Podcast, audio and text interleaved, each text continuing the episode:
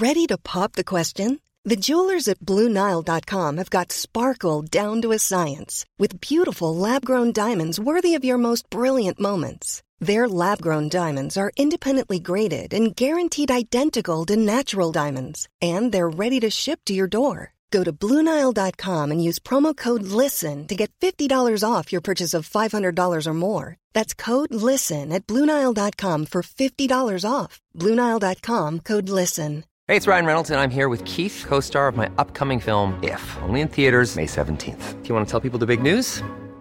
All right, I'll do. Sign up now and you'll get unlimited for $15 a month in six months of Paramount Plus Essential Plan on us. Mintmobile.com slash switch. Upfront payment of $45 equivalent to $15 per month. Unlimited over 40 gigabytes per month. Face lower speeds. Videos at 480p. Active Mint customers by 531.24 get six months of Paramount Plus Essential Plan. Auto renews after six months. Offer ends May 31st, 2024. Separate Paramount Plus registration required. Terms and conditions apply if rated PG. Since 2013, Bombas has donated over 100 million socks, underwear, and t-shirts to those facing homelessness. If we counted those on air, this ad would last over 1,157 days. But if we counted the time it takes to make a donation possible, it would take just a few clicks. Because every time you make a purchase, Bombas donates an item to someone who needs it. Go to bombas.com slash ACAST and use code ACAST for 20% off your first purchase. That's bombas.com slash ACAST, code ACAST.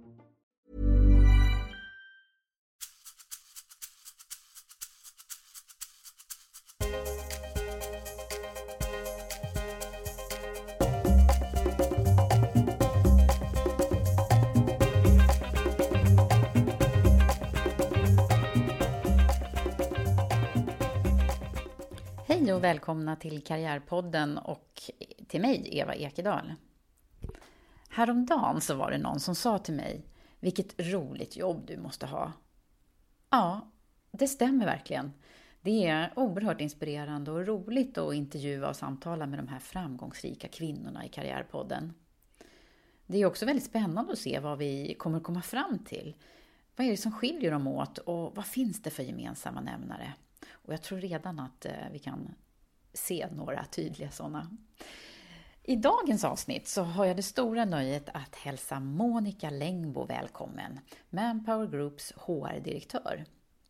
Monica har många års erfarenhet av ledarutveckling och chefsrekrytering och har varit med om en spännande resa i ett av Sveriges största kompetensföretag. Hon har drivit flera stora förändringsprocesser genom åren och talar gärna om hållbarhetsfrågor och vikten av en stark företagskultur och värderingar. Idag sitter hon med i flera styrelser inom koncernens bolag och hon har tidigare arbetat inom olika branscher och tjänster men som en röd tråd genom hennes CV går kombinationen av att vara en driven, affärsinriktad humanist. Det blir spännande. Häng med! Nu kör vi!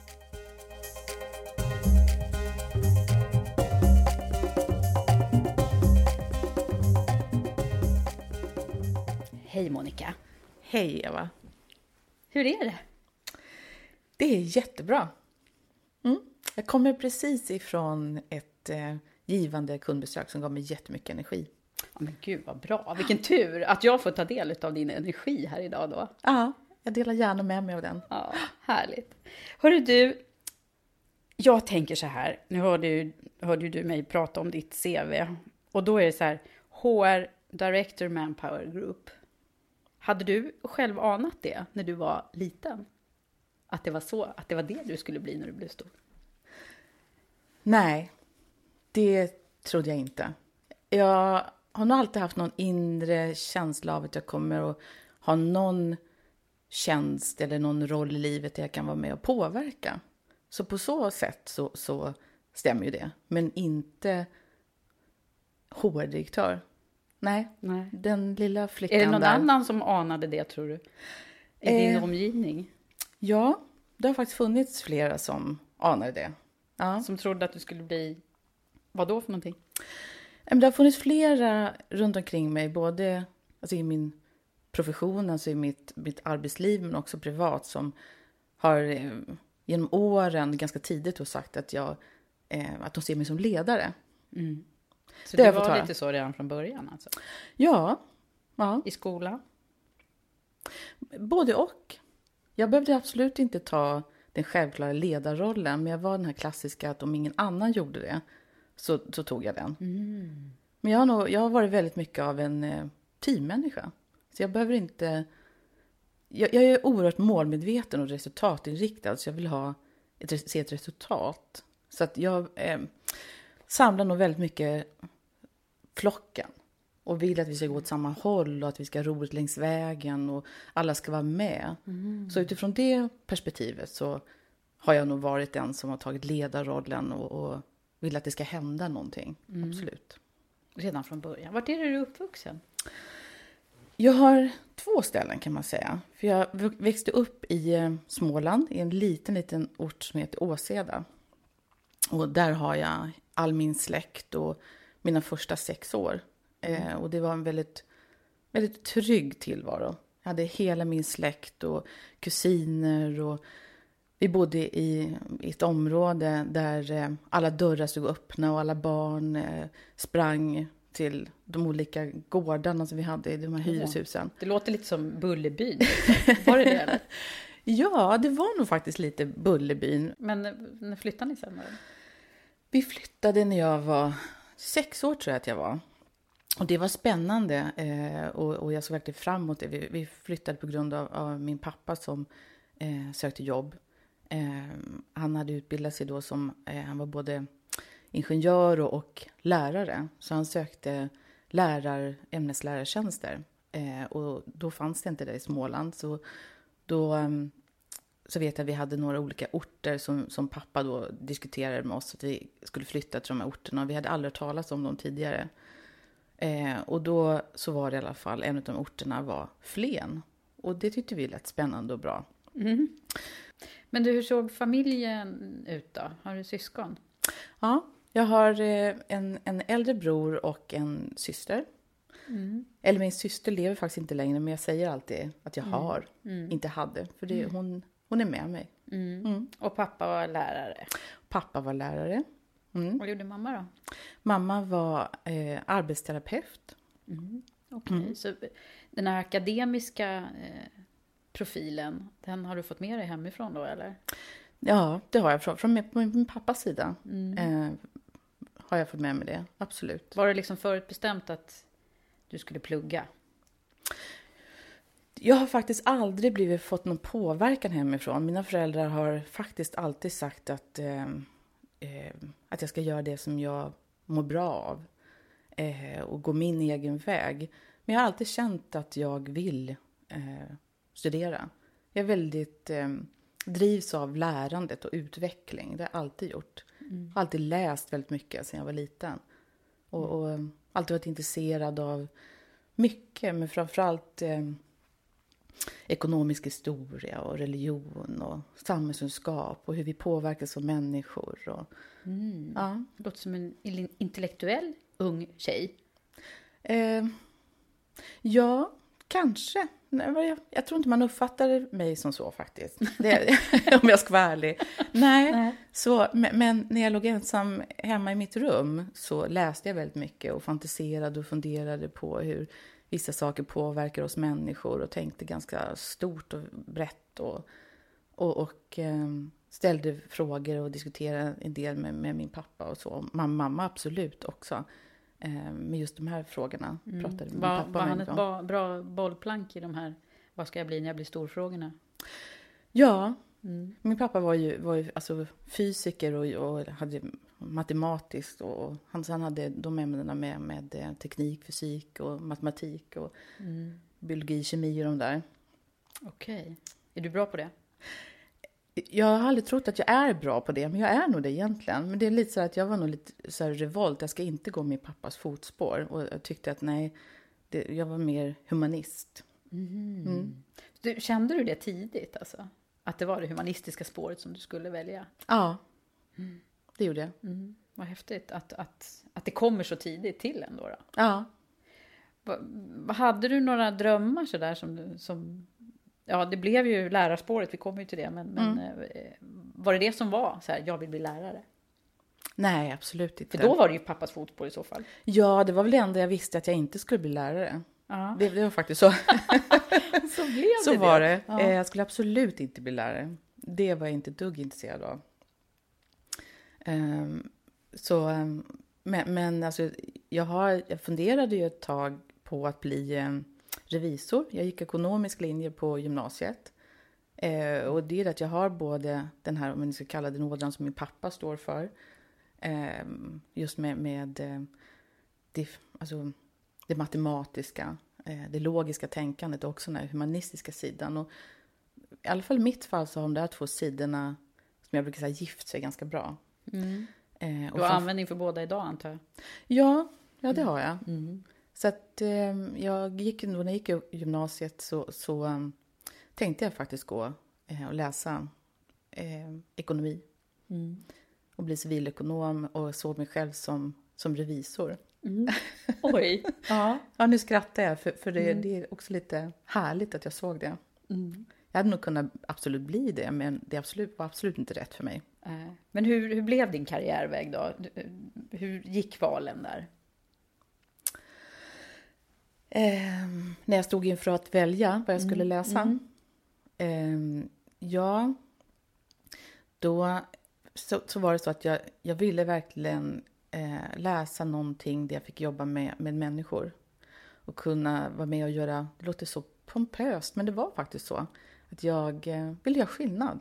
Eh, så jag valde faktiskt då mellan att gå, som det hette då, PA-linjen. Mm. Eh, eller eh, lärare, alltså ämneslärare. Eh, och sen gick jag, blev då lärare i skolan. Men, men där jobbade jag inte så länge. Nej. Inom skolans värld. Nej, det var inte så länge. Nej. När jag sneglade på ditt CV. Nej. Varför då? då? Eh, det var helt rätt utbildning för mig. För det, var, det är ju lärandet som har varit i fokus. Att alltid liksom, utvecklas, alltid lära mer. Eh, förstå både mig själv och, och andra. Eh, men eh, varför det inte blev mer var det, dels var det då, det var början på, ganska slutet på 80-talet, början på, 90, början på 80-talet var det, som jag gick ut. Eh, och då var det faktiskt väldigt, det var, lära, eh, det var svårt att få lärartjänster. Mm.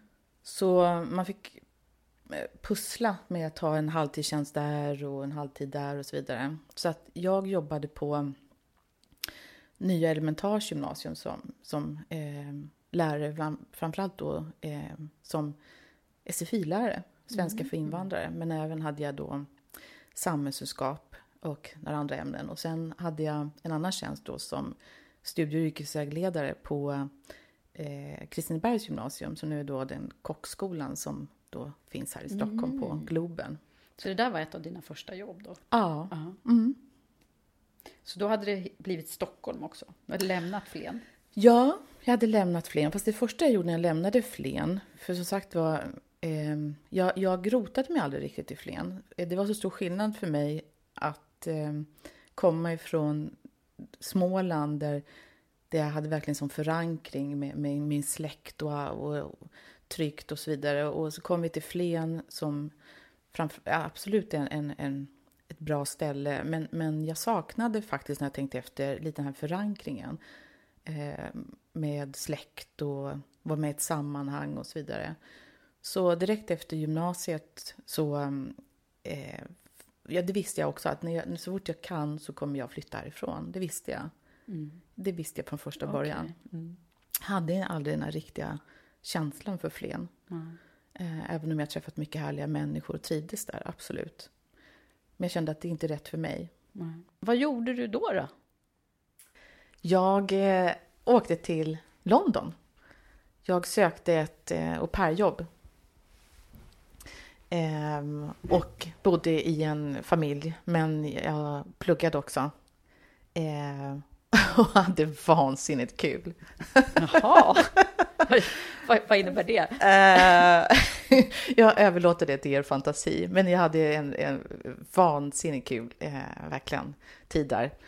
Uh, jag har alltid varit väldigt självständig och det fick jag, alltså jag var väldigt självständig där i, i, i London och då menar jag självständig så att det var, det var en slags nästan frigörelse nästan. Det kan säga jämförbart med, med killar som har gjort lumpen. Mm. För någonstans blir det någon sån här, någon in, insikt från min sida att jäklar, jag, liksom, jag, jag klarar mig själv.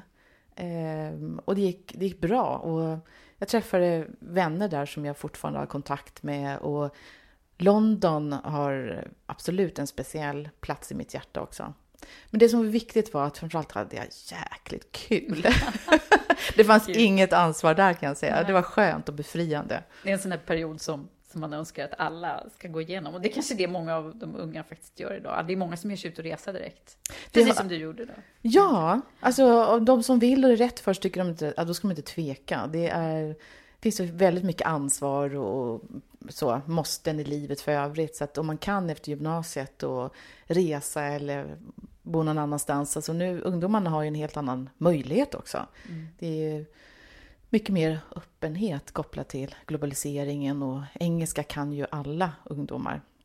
Verkligen, så det tycker jag, det har jag, eh, det är väl det enda också som jag tror faktiskt att jag har eh, förmedlat till mina, till mina unga tjejer som jag har, mina två döttrar, att eh, ha kul också. Ja. det, är, det är jätteviktigt. Och man behöver inte veta, man kan inte veta vad, vad vill jag bli när jag blir stor. Eh, Jag kan tycka att vi, vi vuxna, vi frågar väldigt ofta sådär, några som går gymnasiet, jaha, vad ska du göra nu? Vad vill du bli när du är stor? Vad ska du läsa? Och, och det är absolut relevanta frågor, men vem 17 vet exakt vad man vill bli? Man har oftast en inriktning ehm, och har någon, något vid sidan att det här tycker jag är lustfullt, fyllt och roligt, så man vet kanske inom vilket härad. Men, men ehm, ja, Det, det var en jag- viktig tid det där. Ja, det var det. Det, var, det var jätteviktigt. Kul.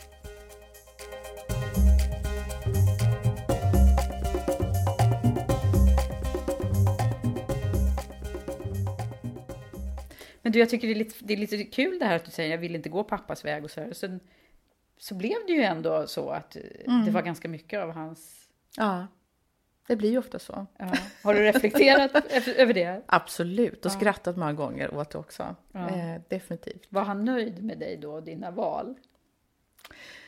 Han, alltså, han pratade aldrig så. Att han, han var nöjd om jag var nöjd. Eh, han, var nog, han var förvånad över mitt val, ska jag säga. Eh, det märkte jag på honom, fast han inte ville på något sätt... Han var väldigt noga om att inte påverka mig. Men eh, det var ju så gymnasietiden, när jag var gymnasielärare, så eh, var det också så att det var ju många barn, det finns en del barn ändå som, som inte mår så bra. Eh, och eh, jag har, vet med mig, och alltid haft en, en, ett, en, alltså hög ansvarskänsla. Och jag vet ju att, eh, för mig i alla fall, att en, en överdriven styrka kan lätt bli en svaghet. Så jag kan ta lite för stort ansvar. Och de här fantastiska barnen som jag träffade, som faktiskt var barn då när man går gymnasiet, som var ganska vilsna, vissa mådde inte bra. Under den här tiden när jag var gymnasielärare så hade jag väldigt, alltså jag kom, kontakt väldigt mycket med, med socialen, med polisen. För det var många, människor, många av de här barnen som inte hade vuxna som fanns där för dem och som var vilsna och inte mådde bra och gjorde lite knasiga saker och kände sig ensamma. Så jag hade väldigt mycket kontakt med just den biten. Och det blev väldigt mycket. Tog du med dig det hem? Ja, det gjorde jag. Jag ville eh, nästan adoptera varenda unge där och ta hem dem till mig och ge dem trygghet och kärlek. Så var det verkligen. Jag ville verkligen bara, kom hem till mig så ska jag bara älska sönder dig och ta hand om dig och bara visa hur fantastisk du är. Och det går ju inte. Men jag, jag hade då faktiskt en att Så jag... den där humanistiska, mänskliga ådran som du har då, den tog lite överhand där? Då. Ja, som inte helt var, var bra naturligtvis heller. Eh, faktiskt. Och det vet jag att min pappa också sa, eller indirekt ändå, att eh, man, man, må, man måste, just det här att kunna balansera den ansvarsbiten. Eh, just i läraryrket var väldigt mycket jag ville förändra i lärarvärlden och skolvärlden. Eh, och det gjorde jag också. Så det, Men eh, om man tittar på, innan vi lämnar din uppväxt där, som ju ändå är, vi är ju de vi är idag därför att vi har blivit förstås väldigt präglade av hur vi har blivit uppfostrade och uppvuxna. Mm. Vad, vad, vad kan du se idag i vuxen ålder som, att, som har präglat dig väldigt mycket från den tiden, från de tidiga åren eller från liksom när du bodde hemma fortfarande och så?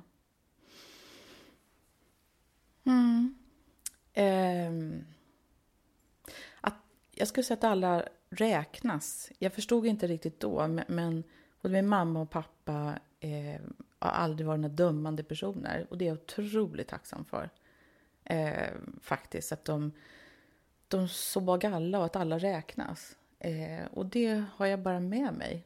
Eh, och det är jag otroligt tacksam för, de fina värderingarna som jag fått hemifrån. Mm.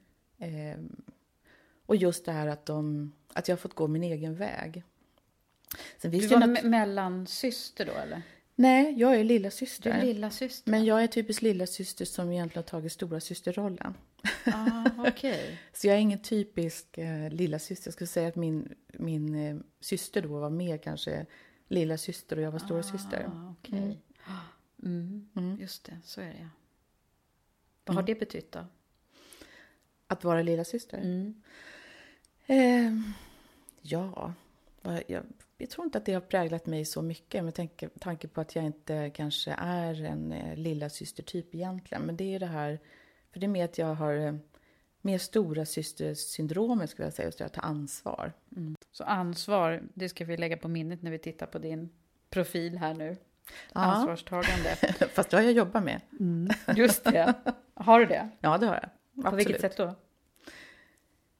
Nej, jag har jobbat mycket med det, för det, det är lite min syn på att, en, en, att ta ansvar är väldigt bra. Men, men när man överdriver ansvarskänslan så blir det som sagt var, tror är min syn, en, kan det bli en överdriven styrka som blir en svaghet. Så jag har jobbat väldigt mycket på att var går gränsen och vad jag, kan jag vara med på, vad kan jag påverka, vad kan jag inte påverka.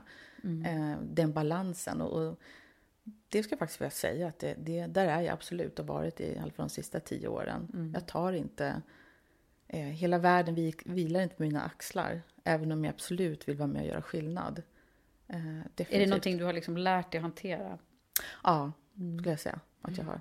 Mm. med åren? Med åren och erfarenhet. Ja. Och nitar man gått på. Mm, det är viktigt. Hur, hur gick det till då sen när du svängde om ifrån, när det faktiskt inte var lärare som var, var det någonting du kände att nej, nu, jag vill inte vara i det här läraryrket utan jag vill bli någonting annat? Mm.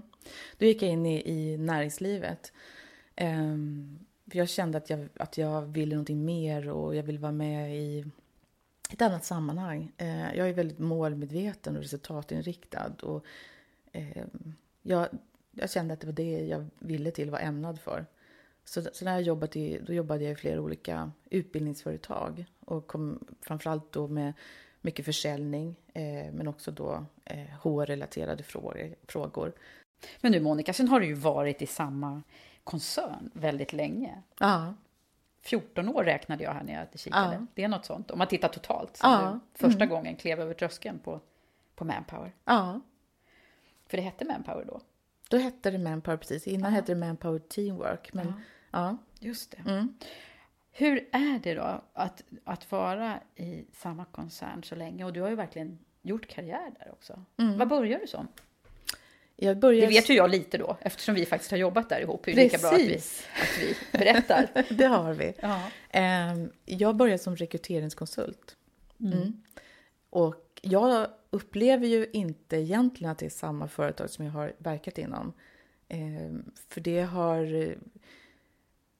Dels är det ett tillväxtföretag eh, och, och ehm, det har förändrats väldigt mycket, precis som företag gör, vilket jag tycker att då Manpower Group är otroligt duktiga på, att faktiskt också vara innovativa och, och följa med, eh, spegla samhället. Ett företag speglar samhället, de förändringar och hela tiden utvecklas.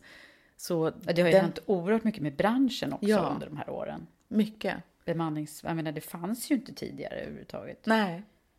Så bara den resan har ju varit fantastisk. Ska få vara med och, och på den här resan och den här utvecklingen.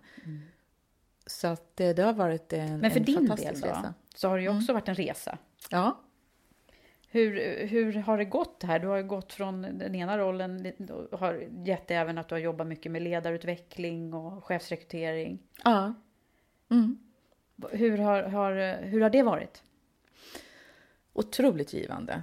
Jag har jobbat mycket med organisation, ledarskap, eh, chefsrekrytering. Ehm, jag stod faktiskt förra veckan och, och, och blev alldeles varm om hjärtat. För, för det är väldigt länge sedan, exakt tio år sedan och sånt där, så ehm, byggde jag upp ehm, den då ledarutveckling inom Manpower Group, hela koncernen. Och, och eh, gjorde hela coachingprocessen och vår ledarskapsfilosofi och, och eh, våra ledarträningar och så vidare. Och, och så tittade jag på de här koncepten och, och, och så blev jag bara, men det här har ju jag gjort. Det var dina, dina ord, eller vadå? Ja, ja.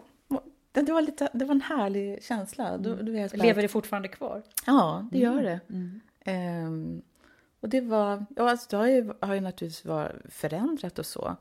Um, men det var en, en härlig insikt och jag blev, jag blev stolt faktiskt. Mm. Um, ja, vad häftigt att få känna det, att du har verkligen varit med och format saker. Ja, ja. ja. ja. det är fantastiskt att jag fått det, det tilliten och förtroendet att göra det. Jag, ja, mm. det har mm. varit otroligt givande. Mm. Ni är ju en väldigt stor arbetsgivare i Sverige. Hur, hur, vad är ni på för rankingplats egentligen? Ja, det där ändras hela tiden, men vi är ungefär 11 000 anställda. Vi är någonstans nionde största arbetsgivare sett till antalet anställda. Mm. Så eh, vi är ju en koncern. Otroligt. Mycket folk. Ja, vi är flera företag inom, inom koncernen. Så eh, ja, men det är... Eh, jag måste säga att jag stortrivs. Nu har jag jobbat väldigt mycket under de här åren också så att ansvaret blev helt klart större och med, med, med för vara ledare över ett gäng här fantastiska människor och så. Men, men jag är, under de här åren har jag ju hela tiden haft det informella ledarskapet och haft ledarskap också i vissa perioder eh, med olika konstellationer med internrekryterare och så, men inte det här stora ledarskapet. Men jag har jobbat mycket med, med eh, ledningsgruppsutveckling och coachat eh, exekutiva ledare och så vidare. Så det känns ibland som att jag har stått tidigare bakom kameran som man säger och nu ja. är jag framför. Ja, just det. Nu är du både och. Liksom, ja.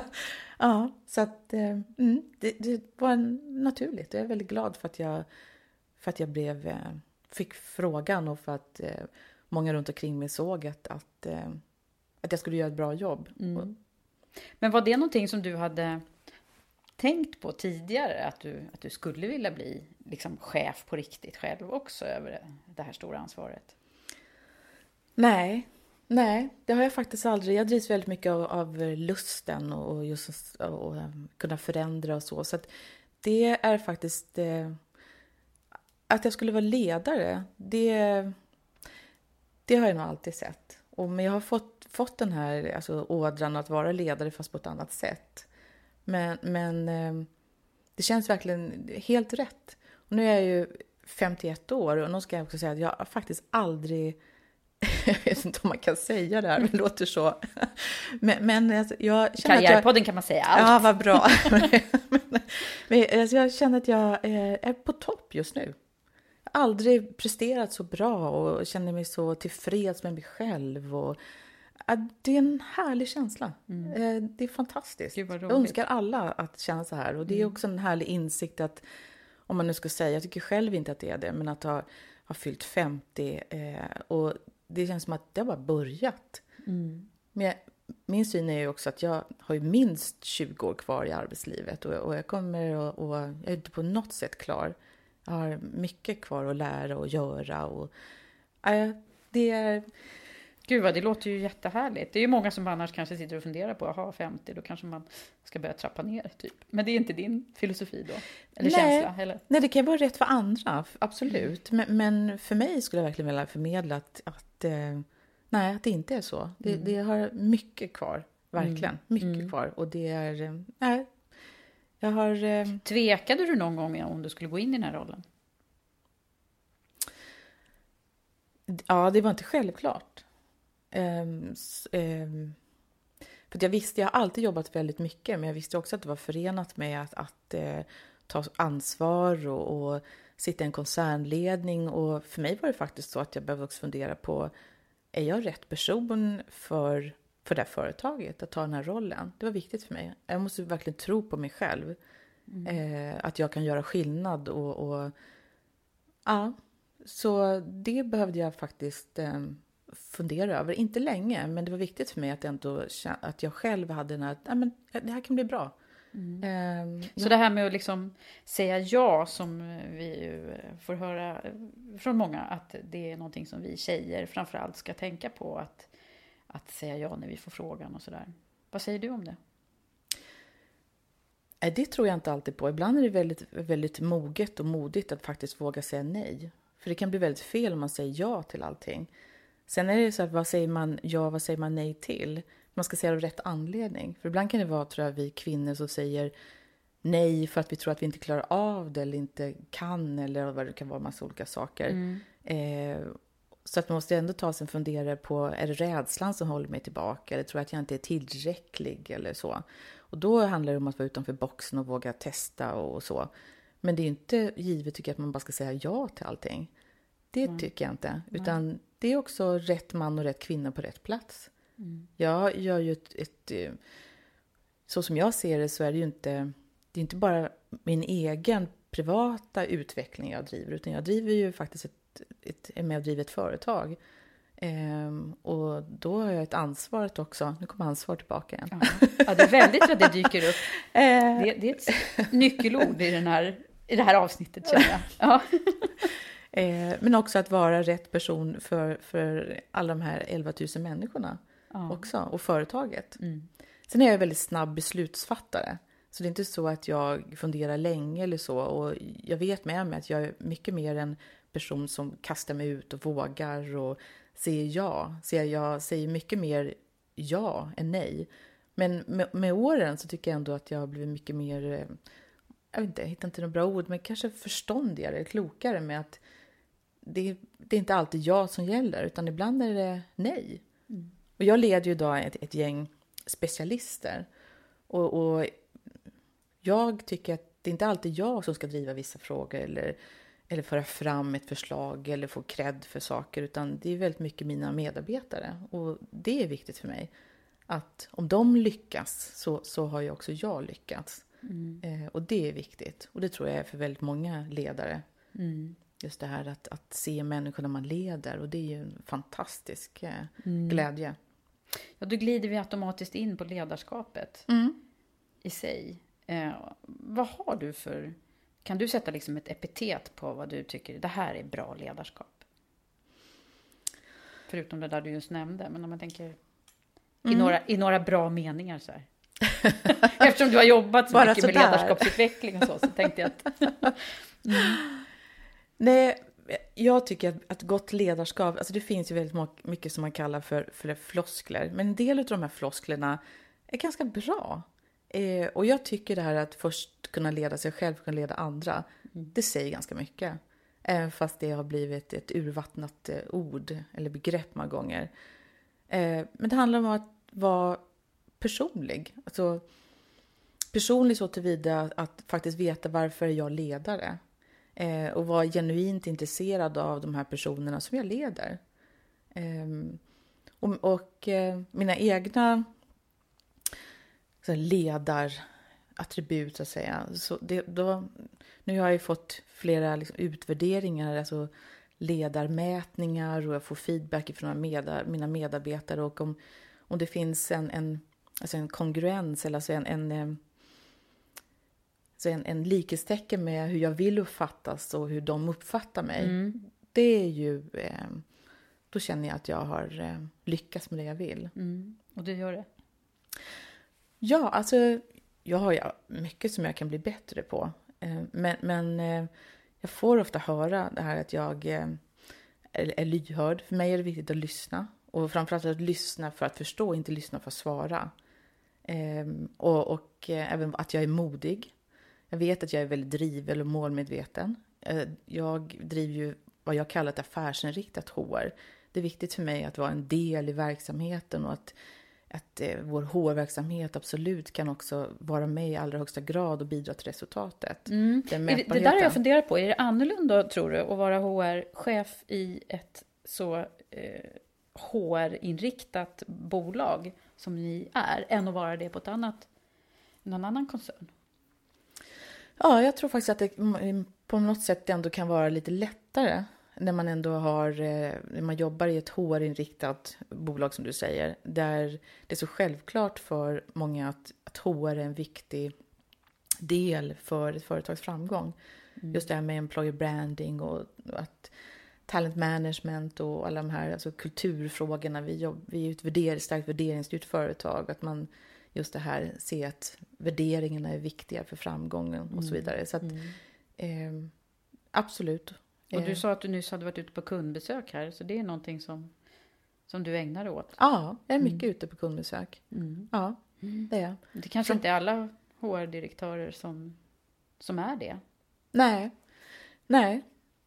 Nej, men jag, jag är det. Jag försöker, jag har inte alltid den tiden jag skulle vilja, men jag är, jag är ute på, på framförallt några av våra nyckelkunder och, och de sista faserna när någon av oss från koncernledningen är med så, så är det självklart för oss i koncernledningen att det kan lika väl kan vara jag som någon annan. Jo, men det är klart, det är en core business på något sätt. Det är den kompetensen som du besitter också. Mm. Häftigt. Eh, ledarskap, okej. Om vi nu skulle vända på den här poletten och titta på när det... Jag vet inte om du har erfarenheter, men det har vi väl alla lite till, till mans, eller till kvinns. Eh, eh, att det ibland funkar mindre bra. Mm. Har du eh, stött på det? Just ledarskap. Ja. Absolut. Du behöver inte hänga ut några namn. Nej. Eller så, men eh, jag tänker på, när är det som allra sämst, tycker du, i, i ledarskapsfrågorna? Menar du kopplat till mig själv? När jag är som sämst? Ja, det kan vara du eller andra situationer hittills som du har stött på när det, när det verkligen har fallerat. Mm. Ja, att, det är många tillfällen. Jag, jag kan dra ett eget exempel. Ehm, det var en, jag säga inga namn då, men det var en kille för några år sedan. Ehm, och ehm, då satt vi i ett samtal. Eh, och det var, Eh, i det här samtalet då så, så fick personen då en väldigt stark reaktion. Eh, av en anledning då. Mom deserves the best, and there's no better place to shop for Mother's Day than Whole Foods Market. They're your destination for unbeatable savings, from premium gifts to show-stopping flowers and irresistible desserts. Start by saving 33% with Prime on all body care and candles. Then get a 15-stem bunch of tulips for just $9.99 each with Prime. Round out Mom's menu with festive rosé, irresistible berry chantilly cake, and more special treats. Come celebrate Mother's Day at Whole Foods Market. Hey, I'm Ryan Reynolds. Recently, I asked Mint Mobile's legal team if big wireless companies are allowed to raise prices due to inflation. They said yes. And then when I asked if raising prices technically violates those onerous two year contracts, they said, What the f are you talking about, you insane Hollywood ass? F- So to recap, we're cutting the price of Mint Unlimited from $30 a month to just $15 a month. Give it a try at mintmobile.com slash switch. $45 upfront for three months plus taxes and fees. Promo rate for new customers for limited time. Unlimited more than 40 gigabytes per month. Slows. Full terms at mintmobile.com. Hiring for your small business? If you're not looking for professionals on LinkedIn, you're looking in the wrong place. That's like looking for your car keys in a fish tank. LinkedIn helps you hire professionals you can't find anywhere else, even those who aren't actively searching for a new job but might be open to the perfect role. In a given month, over 70% of LinkedIn users don't even visit other leading job sites. So start looking in the right place. With LinkedIn, you can hire professionals like a professional. Post your free job on linkedin.com slash people today. Hey, it's Ryan Reynolds, and I'm here with Keith, co star of my upcoming film, If, only in theaters, May 17th. Do you want to tell people the big news? All right, I'll do it. Sign up now and you'll get unlimited for $15 a month in six months of Paramount Plus Essential Plan on us. Mintmobile.com slash switch. Upfront payment of $45 equivalent to $15 per month. Unlimited over 40 gigabytes per month. Face lower speeds. Videos at 480p. Active Mint customers by 531.24 get six months of Paramount Plus Essential Plan. Auto renews after six months. Offer ends May 31st, 2024. Separate Paramount Plus registration required. Terms and conditions apply if rated PG. Hey there, it's Michelle Norris. I'm host of a podcast called Your Mama's Kitchen. When I travel, I'm usually looking for a way to find a taste of home when I'm not at home. And one of the things I love to do when I am at home is entertain. And Airbnb allows me to do that. When I was in California recently, I rented a house that had a great kitchen. And when we were sitting around the table, we we're all thinking, we're in someone else's house. Someone could be in all of our homes as well. If you have a home, but you're not always at home, you have an Airbnb. Your home might be worth more than you think. Find out how much at airbnb.com/slash host. Inte som jag hade gjort, utan det var någonting som hände i företaget. Och att den här personen skulle bli omplacerad till en annan tjänst. Och vi satt och hade en diskussion. Eh, och eh, då sa den här personen, eller de här uttrycken som personen hade då, så, så ger jag feedback till den personen och säger att eh, vet du, jag, jag ser att du är väldigt arg nu. Eh, och så skulle vi börja prata om det. Och så tittar han på mig och så säger han så här, arg? Jag är inte alls arg. Jag är jätteledsen. Mm. Och det där har jag också burit med mig, det här att jag är väldigt vaksam på att inte sätta ord på andras känslor. Mm. För det där var ju min sanning, att så här är jag van vid att människor är när man är arg. Men mm. det var ju mm. inte hans sanning. Nej. Och jag, på något där så, så möttes ju inte vi. För att det blev helt enkelt fel. Hur mycket mm. jag än försökte sen att vi ändå skulle hitta tillbaka så det gick ganska bra. Men han kändes ju inte fullt ut eh, lyssnad på eller, eller bekräftad. Vilket jag djupt beklagar. Eh, det blir bra sen och vi har skrattat åt det här flera gånger. Mm. För den här personen har jag träffat några gånger senare. Men, men, det är just det här att tro att man sitter på alla svaren. Mm. Eh, det, det är en bra lärdom. Vi, mm. Det vi ledare ibland ska, tror jag vi ska vara aktsamma för. Att, eh, och just att ändå eh, möta personen där den personen är. För det är också olika hur mycket man faktiskt vill dela med sig. Vi, vi tillbringar ju väldigt mycket tid på arbetet. Mm. Och det händer ju mycket saker i våra liv. Eh, och vi som ledare behöver finnas där. För man ska ju faktiskt också kunna må bra och ha kul av sitt arbete. Mm. Um, och där måste man få, det finns liksom inget rätt eller fel, utan man måste ha en dialog. Mm. Eh, för det händer ju saker i livet. Och, och då måste då är det självklarhet för mig att som, som arbetsgivare och ledare att eh, finnas där för den här personen utifrån det behovet. Mm. Har du själv haft eh, bra chefer som du har liksom kunnat ta, ta rygg på eller som du har lärt dig mycket av? Oj, nu var det tyst. nej, nej, men jag, nej, jag har inte någon sån, men jag har haft bra människor runt omkring mig. Men jag har en, en bra koncern med tanke på vad vi sitter här och pratar om idag, Karriärpodden. Så, ehm, så eh, han tycker att det är så självklart det här med eh, att få in kvinnor i, i ledande positioner och högre positioner och i styrelsearbete. Eh, och, och det värdesätter jag, sätter jag högt. Mm. Eh, han skiljer faktiskt inte på manligt och kvinnligt på det sättet, utan det är en självklarhet. Mm. Och det har vi i hela koncernen och hela faktiskt globalt. Vi är ju en global organisation, eh, företag och finns i 85, 84, 85 länder eh, worldwide. Så det här är ett fokus för oss. Men i Sverige har vi faktiskt kommit väldigt långt. Mm. Och tänk, pratar jag bara om, om, om, om vårt mm. företag då. då. Så att, så han har varit en bra förebild på så sätt? Absolut. Eller är? Mm. Ja, absolut. Mm. Eh, hur är det med andra sådär, jag tänker på, om du försöker titta på hela din karriär mm. och inte bara där du är nu liksom. Finns det andra eh, så här, lärdomar eller vägskäl när du har liksom, kanske är svårt att bara komma på, men vad har, vad har du för lärdomar med dig från, från din karriär som du vill dela med dig? Hmm. Ja, eh, just det här att faktiskt fundera på varför är just jag ledare? Mm. Eh, vad är det som gör att jag vill vara ledare? Eh, och också eh, faktiskt lära sina misstag. Jag är ju medveten om att jag är en person som är väldigt mycket här och nu och framåt. Men jag, har, jag stannar ändå alltid upp och, och försöker lära av mina misstag. Och med åren så, så, så är det så att jag, jag eh, påverkas inte på, på samma sätt heller av, av misstagen.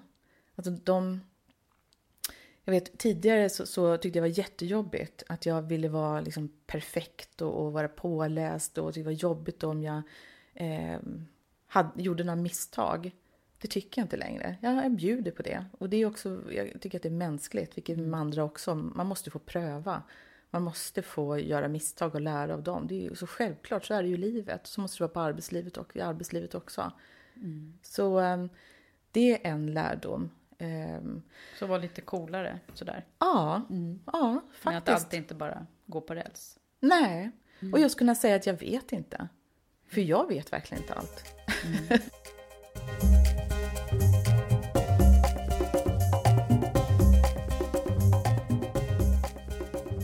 Du, Monica, jobbar du mycket? Ja. Det gör jag. Det gör du. Många Mm. timmar per dygn och vecka. Ja, jo, men jag jobbar mycket. Det gör jag. Mm. Men jag är väldigt mån om för det, att mina medarbetare, jag tänker på faktiskt när jag, vilken tid jag skickar mejl. Eh, om jag nu sitter och jobbar sent så, är så tänker jag på att jag inte skickar det till, till alla. Det finns några då som, som jag kan skicka till. För vad sänder det ut för signaler? Det är lite så att eh, så som jag, jag sätter på något sätt tonen för mina medarbetare. Och, så, om jag jobbar mycket och, och sänder mejl väldigt sent på kvällen och så vidare så blir det någon slags, eh, ja, nå, någon, eh, någon, någonting som alla gör. Någon, Hur parerar du det här med familjen då? Nej, men jag är duktig på att när jag väl är ledig så är jag ledig. Ehm, och det, det är också så att jag, jag är ändå alltid anträffbar.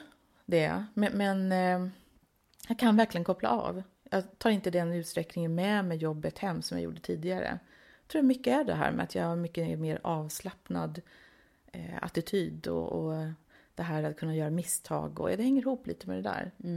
Sen, det, är några saker i livet som jag har varit med om också som har eh, faktiskt gjort att jag, att jag eh, vet att jag tycker jobbet är jätteviktigt. Det kommer alltid vara. Eh, det är en viktig del av mig och att jag drivs av lusten och förändra och kommer alltid jobba mycket. Men, men eh, man måste ha ett liv utanför också. Det här med balans i livet. Nu pratar man ju väldigt mycket om hållbarhet som jag tycker är viktigt. Hållbara ledare, hållbart, hållbar arbetsplats. Det är viktiga frågor för mig. Ja. Vad är det som har gjort att du har fått den här livsfilosofin då, eller vad man ska säga? Är det någonting som har präglat dig? Ja, jo, jag hade några år som, som för mig var väldigt tuffa. Eh, och det var egentligen från 2003 till 2007. Eh, för då eh, var det faktiskt eh, tre av mina familjemedlemmar som dog. Eh, bland annat min Under syster. de åren? Ja, väldigt kort eh, tid emellan. Så min syster fick bröstcancer eh, och eh, hon var ju då inte bara min syster utan var också min allra bästa vän. Och eh, det var jättetuffa år där.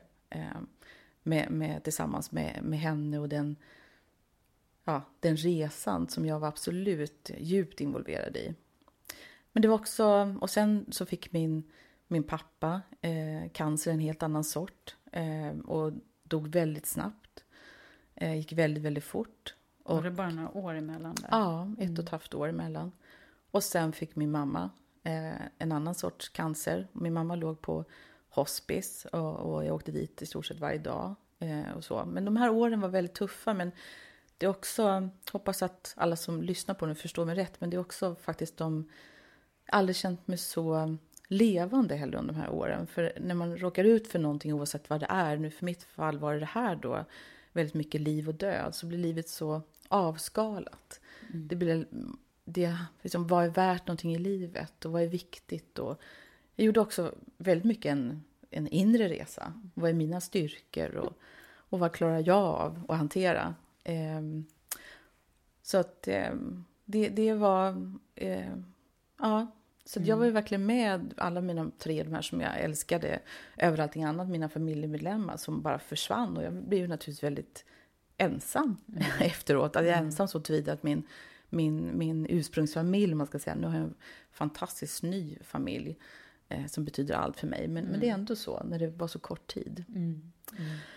Så det, Ja, när det, man hör dig prata om det här så är det ju, man förstår ju inte riktigt hur, hur man klarar av det under sådär kort tid. Det gör man. Och det är det också som jag har lärt mig, det här att eh, vad är det värsta som kan hända?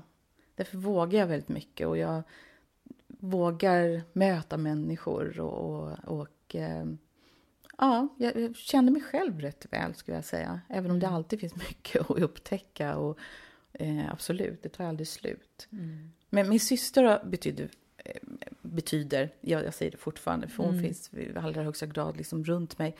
Men, men hon sa till mig när, när hon precis faktiskt eh, sista veckan där innan hon dog eh, så sa hon väldigt mycket saker till mig. Det blir ju så på något sätt man det blir så avskalat och man, man, man har så fantastiska samtal.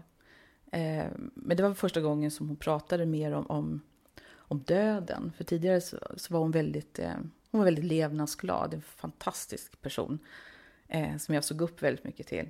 Eh, jättehäftig människa.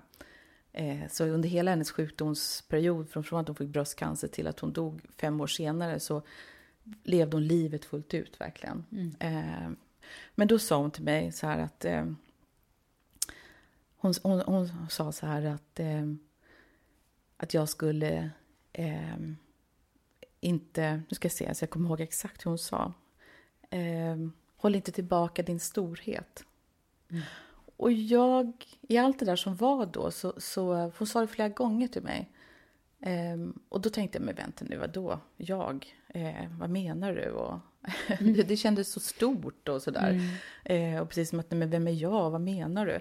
Men jag har förstått utifrån vad hon har lämnat efter sig, vad hon menade då, så är det så att alla har ju en storhet inom oss. Mm. Och, jag försöker verkligen vara mig själv. Eh, och det kommer inte alla vara som, som kanske tycker att, att det är så bra. Mm. så, det finns alltid människor som tycker och tänker mycket, men jag försöker vara sann mm. och inte spela ett spel. Eh, och jag gillar att möta människor. Jag försöker verkligen vara sann i det jag gör. Eh, och med mina, vara med mina värderingar. Eh, det är viktigt. Så jag tror att alla har, det här är liksom min historia, och alla har mm. tror jag, någonting, eh, stort eller smått. Men, men det är, även fast det är absolut det värsta jag varit med om de här åren, mm. eh, så är det också faktiskt det bästa. Jag är otroligt, eh, det låter jättekonstigt, men jag, den erfarenhet jag får med mig är ju fantastisk. Mm. Eh. Och det, jag tänker på det också, då har du efter det här blommat ut och, och blivit full, ledare fullt ut även på, ja. på pappret. Ja, mm. det har jag. Mm. Så du kanske tog din syster på, på orden här och, och gjorde, förverkligade dig själv? Ja, ja. Mm. Jag hade ett bra jobb innan. Eller tillät det hända kanske? Vet du, jag tror det är snarare så att, eh, att jag kastade mig ut på ett helt annat mm. sätt. Eh, för jag hade jättebra tidigare eh, mm. på alla sätt och vis och stortrivdes. Men, men eh, jag faktiskt vågade liksom ta, ta plats och ta min mm. fulla kapacitet. Eh, faktiskt. Mm. Och det är jag jätte, jätteglad för. Mm. Det är jag väldigt glad för. Ja, mm. stort, verkligen. Mm. Tack för att du delade med dig. Men du, jag tänkte på det under den här jobbiga och svåra perioden. Jobbar du då hela tiden? Ja, det gjorde jag faktiskt hela tiden. Ehm, och det var ett medvetet val som jag ehm, kom underfull med var bäst för mig, som jag absolut behövde. För det var så mycket sjukdom och existentiella frågor och sådär i min vardag. Så jag behövde verkligen, liksom, eller i min privata sfär ska jag säga, och jag, och jag behövde verkligheten. Mm. Det var, det var nödvändigt för mig ska jag säga, och nästan en, en livslina ibland. Att ha det här att gå till jobbet 8 till 5. Eh, och eh, måste säga att jag presterade faktiskt väldigt bra den här perioden. Man gör ju det oftast. Mm. När eh, man verkligen har ett så starkt behov av någonting och liksom var i ett sammanhang. Och, och det var ju mitt sätt, så jag säger verkligen inte att det är rätt för alla. Men, Nej, det, men det är många som har den här, strategin, när det är, att, man, att man behöver liksom sätta fokus på någonting annat när det är jobbigt. Ja. Privat. Ja, och jag, jag gjorde i alla fall så att jag, att jag pratade med, med mina kollegor och mitt gäng och, och, och eh, min chef och sådär utifrån att det, eh, det här är viktigt för mig och, och, så här skulle jag vilja ha det och är det okej okay för er då? För det är inte alla som har kommit i kontakt, det är inte lätta frågor. Mm. Eh, med kontakt med, med döden och det väcker massa tankar och, och, känslor hos folk och det har jag full respekt för. Så eh, ibland var det säkert tufft att ha mig där och, och veta att jag, vad jag hade liksom privat. Men, men jag personligen hade inga problem att prata om det. Eh, och, och, de som ville fick fråga.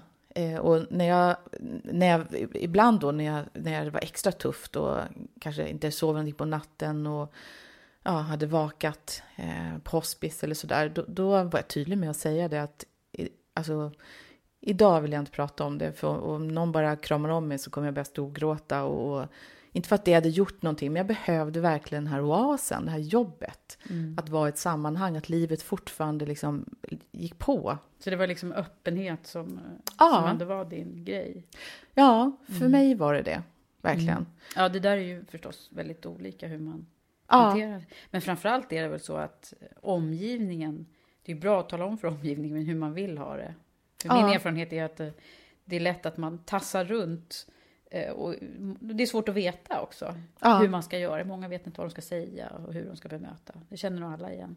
Ja, alla menar ju verkligen väl, men det Mm. kan bli väldigt fel. Och sen ibland så är det ju så, med all respekt, att man kanske inte riktigt vet vad ens behov är. Och det kan ju ändras längs vägen också, så får det också vara. Men, men det här är ju någonting som faktiskt finns väldigt närvarande i våra liv. Mm. Vi upplever massa, det behöver inte bara vara som min erfarenhet, men det är skilsmässor, det är barn som mår dåligt och, och, och så vidare. Det, är- det är mycket. Så vi, och framförallt i ett ledarskap så, så eh, i perioder måste vi ta in hela människan och kunna leda de här personerna, finnas där för dem, även i, i, i svåra situationer. Eh, Ja, nej, det är ju få som bara lyckas leva ett arbetsliv så att säga. Utan det, vi, är ju, vi är ju inte våra jobb Nej, helt och hållet. nej. Och jag tror att ännu mer tänker jag rätt mycket på just det med arbetsliv. Allting går mycket fortare nu också. Eh, med med liksom den dem- demografiska utvecklingen och den tekniska utvecklingen och globaliseringen och så som är ju jättespännande. Men det går väldigt fort och det påverkar också oss människor. Det ställer helt andra krav på oss. Ehm, och det var ju den perioden jag var inne i som väldigt många av mina medarbetare också är inne i. Att eh, samtidigt som jag då han, hanterar den här, eh, mina existentiella frågor och min, min avgrunds liksom, sorg för liksom, mina familjemedlemmar som, som var så svårt sjuka och så. Ehm, så byggde jag även hus och var ganska ny på mitt jobb och hade småbarn och så ser det oftast ut. det här, Ja, allt på en gång. ja.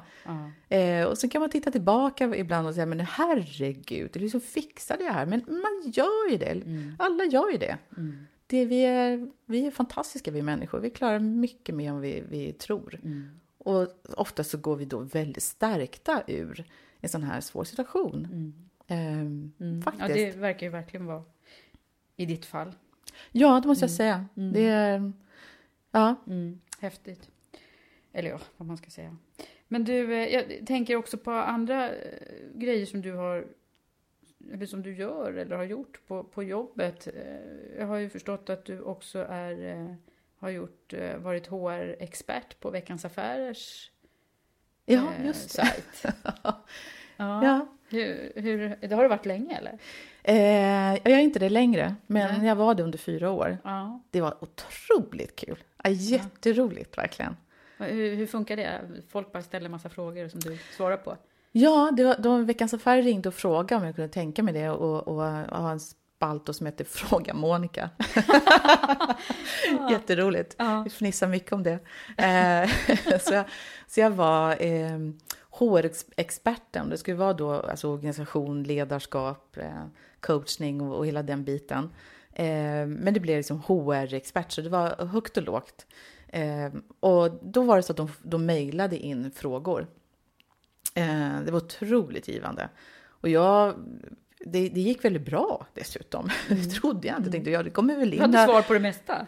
Nej, men jag menar inte så. Nej, jag, tror- jag menar inte så. Utan mer bara att jag faktiskt fick frågor. Eh, för jag tänkte, ja, det kommer väl in några stycken. Men, men det, det, det var otroligt givande. Det gav mig också. Nej, skulle jag säga, jag hade verkligen inte svar på alla frågor. Eh, merparten absolut, för det ska jag ha i min roll. Men, men det var väldigt många liksom, otroligt geniala frågor, frågor som jag också behövde tänka till och, och ta hjälp av mitt team eh, och så. Absolut. Ja, nej, det, allting är inte jättelätt. Nej. Men sen så, så eh, har jag förstått också att eh, du sitter med i en hel del styrelsearbete nu också. Ja. Hur är det då? Eh, Skiljer det sig från ledningsgruppsarbete, tänker jag? Eh, både och, ska jag säga. Eh, det är väldigt givande. Eh, verkligen utvecklande för mig själv också. Eh, men det är ju att vara väldigt mycket mer sakkunnig, eh, skulle jag vilja säga. Att verkligen vara som en specialistfunktion för det här specifika företaget. Ehm, och också eh, titta mer alltså, objektivt på det. Så att inte ta in subjektiviteten, utan vad är bäst för det här företaget? Och även då ibland ta svåra beslut. Mm. Eh, ibland handlar det faktiskt om att, eh, att det bästa för företaget är att eh, eh sluta med någon verksamhet eller eh, ja, förändringsprocesser har ju varit väldigt mycket. Mm. Eh, men, men väldigt givande. Hur ser de här styrelserna ut? Är det, är det lika många män som kvinnor eller är du ibland ensam som kvinna? Jag har varit i, i, i, del, i rätt många forum där jag är ensam kvinna. Men eh, det blir mer och mer kvinnor. Och om vi tittar på, på oss i, i vår koncern så har vi faktiskt, jag vet inte om jag har sagt det redan, men vi, vi har 55 procent eh, kvinnor i ledande befattningar och det är en hög siffra. Mm. Mm. Eh, och vi har en, en, eh, en, absolut en jämvikt också i koncernledningen vad gäller manligt och kvinnligt. Mm. Absolut. Hur är det med mångfaldsbegreppet? Eh, jag tänker på olika nationaliteter hos er. Jo, absolut. Jag, också, alltså jag är så att jag, jag överhuvudtaget i Sverige och alla företag, inklusive oss själva, kan absolut bli mycket bättre på det. Men jag vill ändå framhålla att jag tänker först och främst eh, kompetens. Eh, vem har den bästa kompetensen för den här tjänsten, den här funktionen? Eh, och jag, jag vet att många som har hört mig säga att jag skulle då egentligen vilja gå mot att ha helt eh, namnlösa CVn och inte med ålder eller alltså kön eller någonting. Eh, och det vet jag, när jag jobbade som rekryteringskonsult så jobbade vi väldigt mycket för det redan för tio år sedan. Eh, att faktiskt försöka få våra kunder till att här får du tre CVn men vi har tagit bort namnen. Välj den som är bäst lämpad för din tjänst. Många ställde upp på det, men mm. vi fick ibland ha en dialog. Eh, om det då blev en person som inte riktigt föll inom ramen vad de hade tänkt sig i åldersspann eller vad man hette i, i, i namn eller så vidare. Mm. Är det något som du skulle vilja att det, att, att det var så konsekvent? Ja, gå mer och mer åt det hållet, absolut. Mm. För jag menar, vi har, vi har fyra generationer ute på, i arbetslivet just nu. Och vi behöver alla generationer. Vi behöver också alla människor för att faktiskt få tillväxt i våra företag, men också för Sverige. Mm. Så eh, det spelar ingen roll om, han har, om man är ung eller gammal eller om man har en, en eller två armar eller om man är mm. gul, svart eller grön, vad det kan vara. Mm. Det är Men hur har du personligen sett det som då, om du nu har suttit som du säger, ibland som ensam kvinna i, i olika ledningsfunktioner. Mm. Hur, hur, har du behövt, har det varit en fördel eller har det varit att du behövt jobba med att ta plats eller har, hur har det varit? Jag tror jag sa inledningsvis att jag, jag vet att jag känns som, som ganska frispråkig person. Um, och då menar jag inte så att jag säger precis vad som helst, men det, det finns nog en grad av, av mod i, i, i mig. Ehm, um, så om jag upplever någonting så, så um, säger jag det oftast. Men, men det är jätteviktigt för mig att göra det på ett respektfullt sätt. Mm. För jag ber aldrig om ursäkt, eller aldrig ska jag inte säga, men alltså det är inte, det är inte, jag menar så här att det är, man kan många gånger be om ursäkt för eh, hur man sa en sak, men inte att man sa det. Vilket innebär att om jag upplevt de situationerna ibland eh, så har jag sagt det. Att hörni, nu tycker jag att det är så här och så här. Och eh, det röjer om lite grytan, men det blir oftast väldigt mycket bättre dynamik. Mm. Sen kan man ju tycka då att eh, kanske ibland att eh, vad fick hon det därifrån? Eller, och ja, det är okej för mig att ta den rollen. Mm. Eh, för jag Alltså, vi alla... Är du mer frispråkig än männen? Är det det du säger? Ja, jag tror faktiskt att jag är det. Mm. Mm. jag är det. Får du gehör? Ja. Mm. Jag tycker det är jätteviktigt att skratta. Så jag kan säga lite knäppa saker ibland och alla asgarvar och, och så. Det tycker jag är mm. jätteskönt. Ja, dramatisera lite.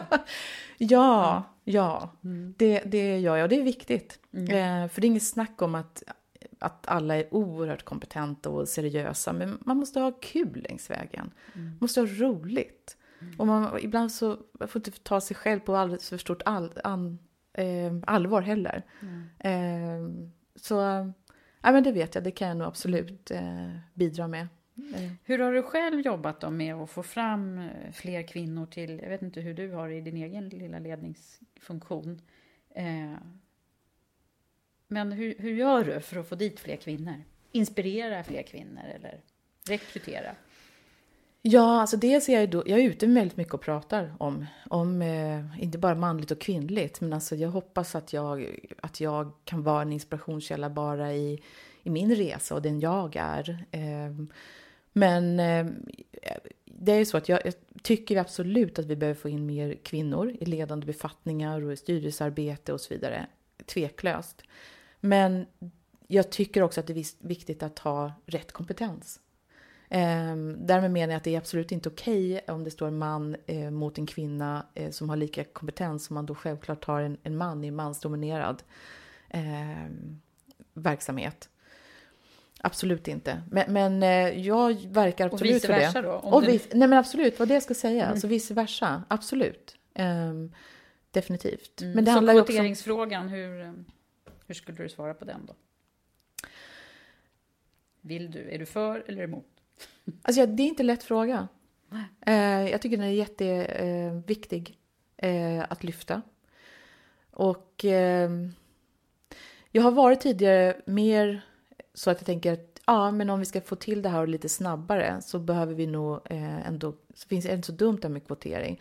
Samtidigt skulle jag faktiskt vilja önska att vi inte skulle behöva göra det. För att få in mer kvinnor med hjälp av eh, liksom ett, ett system och, och, inte på mer det liksom naturliga sättet. Mm. Eh, ja. Mm. Det är lite tvek på den just nu då? Just nu. Eh, skulle jag säga. Mm. Men mer kvinnor, absolut. Du, om man skulle liksom se de här unga kvinnorna framför sig nu då, där ute. Som, jag tänker också på just din roll som HR-chef och HR-direktör. Det är ju väl, är det inte ett av de mest populära jobben bland framförallt kvinnor? Jo, det är det eh, faktiskt. Det är det som alla Rankas vill bli. som etta. Ja, fortfarande. Det är det alla vill bli. Alla vill bli som du, Monica. Så nu undrar jag, vad har du nu för liksom råd och tips till de här tjejerna som, som kanske just har börjat liksom söka till högskolan och, och vill bli personalchefer när de blir stora? Vad ska de göra? Vad ska de tänka på? Så att, så, av dina, utifrån dina lärdomar och erfarenheter. Kör! Okej, kör. Ja. Nej, men det är bara åh, att de ska tro på sig själva, eh, att de verkligen fixar, att de klarar det. Eh, ja, absolut. Just det här, eh, det, det, är väl egentligen min största tips. Eh, att de inte ska tveka.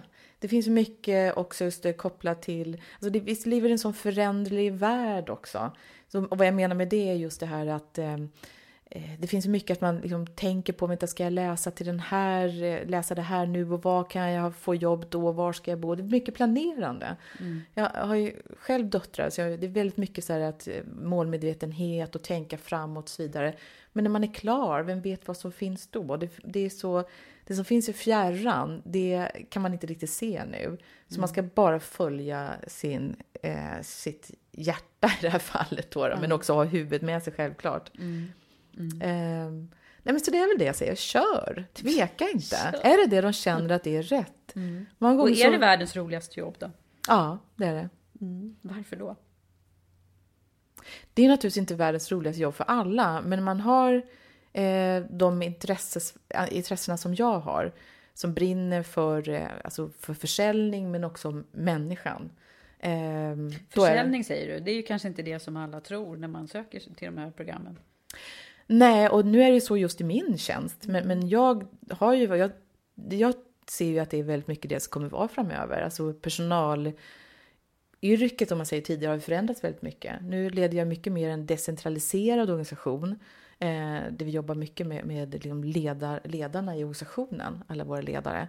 Eh, men tidigare har det varit kanske mer en, en mer stabfunktion. Där man mm. då, eh, och det är det säkert på många håll fortfarande. Precis, mm. absolut. Mm. Eh, där man kanske jobbar mer med, med alltså, payroll, alltså med löner eller man kan jobba med policies och riktlinjer och så vidare. Så att man är, kanske ibland kan till och med känna att det är en bromskloss och att HR inte förstår verksamheten och så vidare. Mm.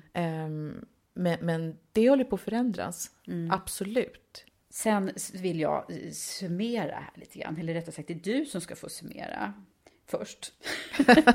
eh, vad, vad, vad har du nu för liksom, motto här i livet eller livsfilosofi? Eh, men jag har ett motto som jag haft eh, väldigt länge. Eh, och det är hjärta och hjärna i alla beslut. Jag eh, vill alltid ha med mig fakta. Det tar jag alltid med mig. Eh, att jag faktiskt vet vad jag pratar om. Eh, och sen känner jag efter, hur känns det här? Och sen kör jag. Eh, och jag är ganska snabb som jag har sagt vet jag, några gånger i mina beslut. Men det är viktigt för mig att ha det här hjärta och hjärna. Eh, så det... Brukar du tänka så, så här, okej, okay, har jag hjärtat med och har jag hjärnan med? Eller är det så du skulle vilja behöva tänka? Eller? Nej, nu behöver jag inte göra det, för nu har det här varit med mig så länge och det, det har varit lyckosamt för mig. Mm. Och jag vet att jag behöver det. Mm. Så att det inte bara går på känslan eller bara går på, på fakta, utan jag, jag behöver båda delarna. Att jag har fakta med mig och så känner jag, liksom, blir det här bra? Och mm. vad, vad påverkas det här? Och konsekvenserna och så vidare. Och känns det bra i hjärtat, då kör jag. Um, så att, eh, och då kan jag ändå gå tillbaka sen om det blir fel. Och, och vad var det vad var det jag hade behövt göra för att det här skulle ha blivit ett bättre beslut? Och, mm. och, då kan jag också reflektera över det. Om jag faktiskt eh, missade, bara gick på hjärnan och bara körde. För ibland är det så, då har man ju kanske bara, ibland är det så man behöver extra snabba beslut, så är det ju. Mm. Um, så, ja, så hjärta och hjärna hjärta i alla beslut. Mm. Mm. Bra grejer att ha med sig. Är det, gäller det även för dig privat? Jag tror inte att det är så jättestor skillnad på mig egentligen, så privat och i min profession. Ehm, det är klart att det är skillnad, jag är mycket mer personlig. Alltså, eh, på det sättet. Eller privat menar jag, för jag är personlig men inte kanske lika privat alltid. Ehm, men jag tror inte det är så stor skillnad. Så det, jag tänker inte så. Alltså överhuvudtaget ska jag säga att jag, jag, jag pratar inte mycket jobb hemma. Nej. Nej. Så man och barn är förskonade jobbsnacket? Nej, men alltså vi pratar jobb. Men jag, jag, jag men eh, jag, är faktiskt lycklig lottad att jag har en fantastisk man och jättefina barn. Och, och så att jag är, känner att jag är väldigt tacksam för den, den gåvan. Och det är också lite så med tanke på vad jag berättat med om vissa svårigheter som jag har gått igenom. Man blir väldigt stärkt som familj också, så vi vet verkligen vad vi har varandra. Mm. Och de är mina största supportrar. Har, har, har de stått bakom dig i den här, jag förstår i den här svåra perioden, men jag tänker även i i de här situationerna när du jobbar kanske rätt många timmar per dygn? Ja. Mm. Ja, det gör de. För jag... Ingen som knorrar så här, hallå, middagen har varit för några timmar sedan. det kan väl hända. Det kan hända. Mm. Men inte ofta. Eh, för det var ju naturligtvis så, för att jag, jag, har, jag har faktiskt alltid jobbat mycket. Jobbet har alltid varit viktigt för mig. Men, men vad som är viktigast i, i, i livet så är det min familj. Alltså, och det, jag skulle ju aldrig låta någonting gå ut över dem. Men de vet ändå att alltså, jag mår bra av att jobba. Eh, och jag har jättemycket energi och jättemycket att ge och jag älskar mitt jobb. Mm. Eh, så att det behöver jag. Men, men, de vet att de är viktigast och det tvivlar de aldrig på. Det har jag bevisat så många gånger. Mm. Så att det är vi. Och vad bra, om de lyssnar på den här podden så kommer de också få höra det en gång till. så bra! Ja, det är toppen. Du Monica, vad härligt det är att ha haft dig här mm. idag i poddrummet. Tack. Tack så jättemycket för idag. Det varit härligt att vara här. Tack Eva.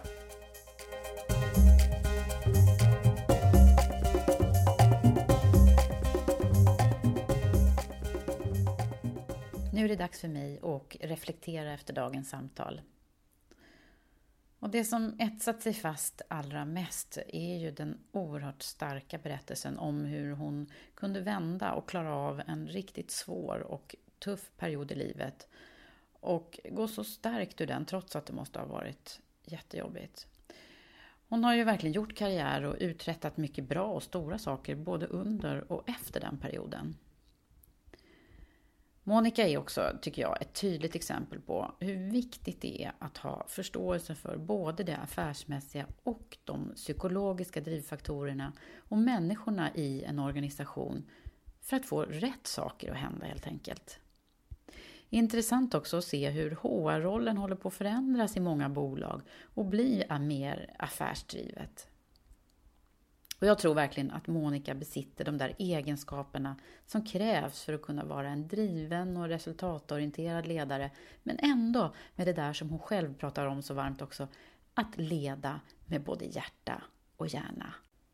Tack för idag och tack för att ni lyssnat. Vi hörs snart igen. Hej hej!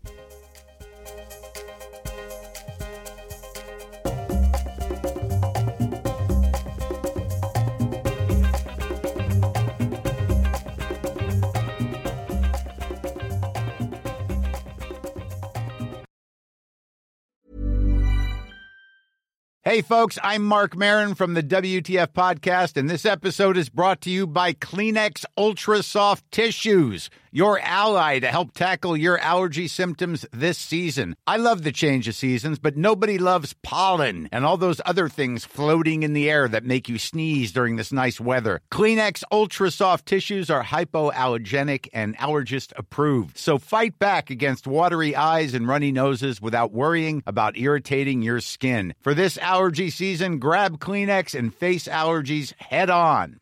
Mom deserves the best, and there's no better place to shop for Mother's Day than Whole Foods Market. They're your destination for unbeatable savings, from premium gifts to show-stopping flowers and irresistible desserts. Start by saving 33% with Prime on all body care and candles. Then get a 15-stem bunch of tulips for just $9.99 each with Prime. Round out Mom's menu with festive rosé, irresistible berry chantilly cake, and more special treats. Come celebrate Mother's Day at Whole Foods Market. Hey, it's Danny Pellegrino from Everything Iconic. Ready to upgrade your style game without blowing your budget? Check out Quince. They've got all the good stuff shirts and polos, activewear, and fine leather goods, all at 50 to 80% less than other high end brands. And the best part? They're all about safe, ethical, and responsible manufacturing. Get that luxury vibe without the luxury price tag. Hit up quince.com slash upgrade for free shipping and 365 day returns on your next order. That's quince.com slash upgrade.